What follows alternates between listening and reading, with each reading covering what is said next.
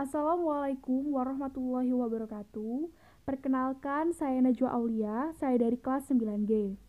Jadi kali ini saya akan menjawab pertanyaan yang sudah Ustazah sampaikan di materi sebelumnya. Pertanyaan pertama, apakah umat Islam paham dengan ajarannya?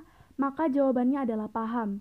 Dikarenakan untuk menjadi seorang muslimin dan muslimat yang soleh dan soleha, kita harus paham dulu apa yang telah diajarkan di dalam agama kita.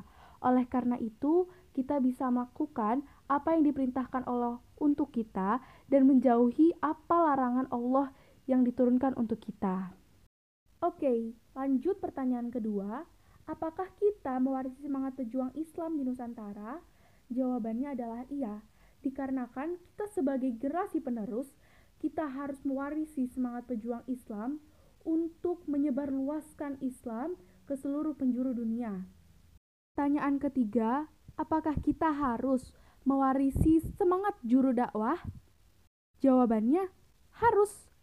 Dikarenakan untuk menyebarluaskan Islam dan melestarikan Islam, kita harus memiliki semangat seperti mereka. Oke, pertanyaan terakhir, apakah kita tangguh dalam menghadapi musuh? Jawabannya, kita harus tangguh. Karena dalam menyebarkan dan melestarikan Islam, pasti ada orang yang anti-Islam dan membenci Islam. Oleh karena itu, kita harus tangguh menghadapi mereka.